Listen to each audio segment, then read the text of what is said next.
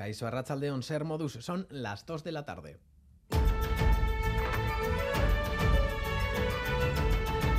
Crónica de Euskadi con Lier Puente.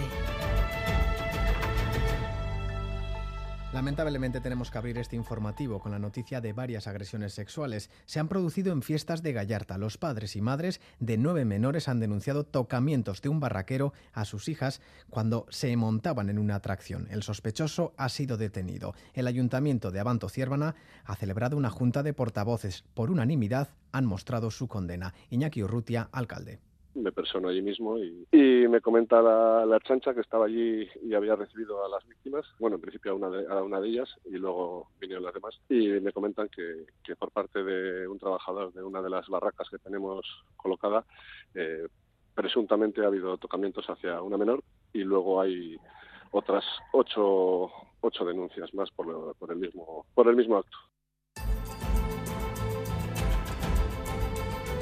Los alcaldes y alcaldesas comienzan a hacer sus primeros actos tras ser elegidos ayer. El alcalde de Bilbao, Juan María Burto, por ejemplo, ha acudido al tradicional desfile y ofrenda floral ante la estatua de don Diego López de Aro, fundador de la villa. Pero en la Bastida la resaca está siendo más complicada. El PNV no presentó candidatura, permitiendo al PP quedarse con la alcaldía. En el municipio se han producido pequeños enfrentamientos y discusiones. El enfado es palpable en las calles. Ahora mismo está un poco la costa revolucionada, la gente, algunos están contentos, otros están todo lo contrario. Anoche, por ejemplo, sí hubo algún que otro encuentro, pero, pero bueno, esperemos que se vaya apaciguando un poco todo. La mayoría de los que tenemos el carrera del Partido Nacionalista Vasco nos hemos, nos hemos dado de baja y aquí el, el PNV ha muerto, porque lo, lo, que, lo que se han hecho, el PNV y Edu Ariraga ha sido, vamos, de jugado guardia. Euskadi Burubacha es el que manda, aquí tienen que mandar los de los pueblos, ¿no? El gobierno vasco ha entregado este domingo a sus familiares los restos de los milicianos que participaron en la defensa de Bilbao contra las tropas franquistas hallados en una fosa común en el cementerio de Begoña, en Bilbao. La entrega ha tenido lugar en el monte Archanda, ante la escultura La Huella, que homenajea a los gudaris y milicianos que intentaron evitar el triunfo de las tropas golpistas. Y nunca más volvieron a estar, ni con su familia ni en su casa. Han estado olvidados durante muchos años, han pasado más de 80 años. ¿eh? Y han estado en parte bastante olvidados por esta sociedad.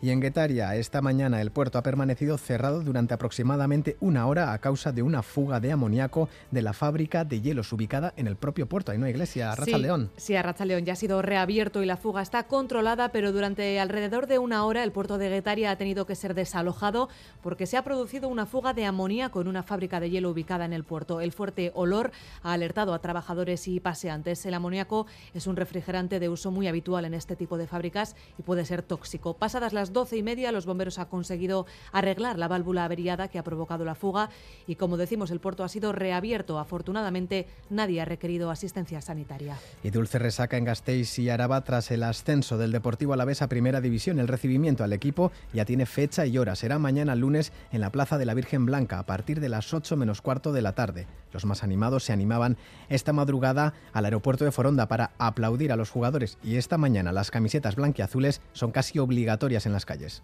Ayer mucha fiesta. Joder, era la vez más glorioso que nunca.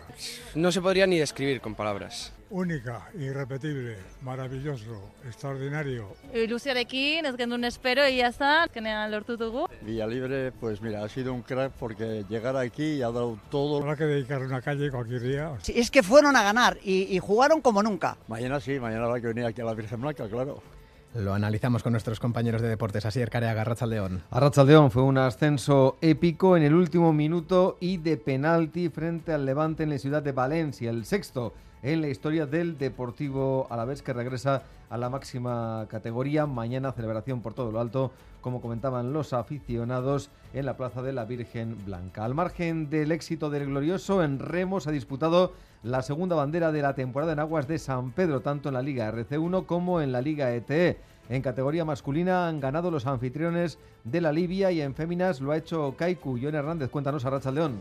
Así es, la victoria finalmente en el CAE 1 ha sido para los locales. San Pedro Tarra se ha llevado la bandera con 20 minutos 39 segundos 96 centésimas eh, de tiempo por delante de Zumaya, que ha sido segundo a 2 segundos, y de Arcote, que ha finalizado a 5 segundos. Eh, los resultados de hoy, sumados a los de ayer, hacen que San Pedro Tarra sea el líder de la clasificación, el líder de la Liga CAE 1 con 22 eh, puntos, seguidos de San Juan y de la Purdi, que están empatados en esa segunda posición, cada uno con 20 puntos.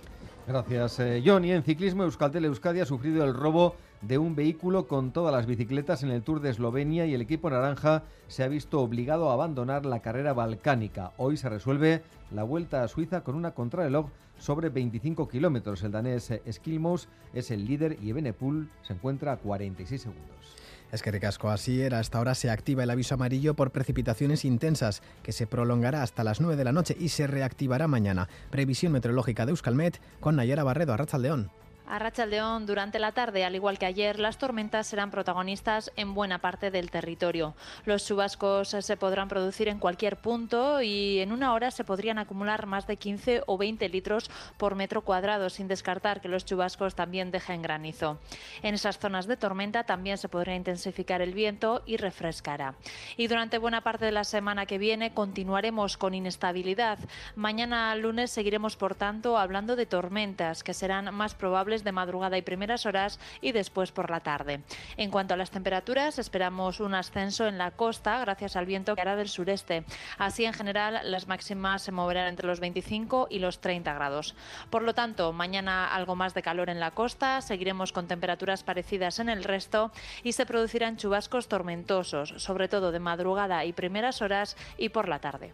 Reciban un saludo de los compañeros y compañeras de redacción que hacen posible este informativo, también de Jorge Ibáñez y así era Aparicio desde la parte técnica. Son las 2 y 6 minutos. Comenzamos.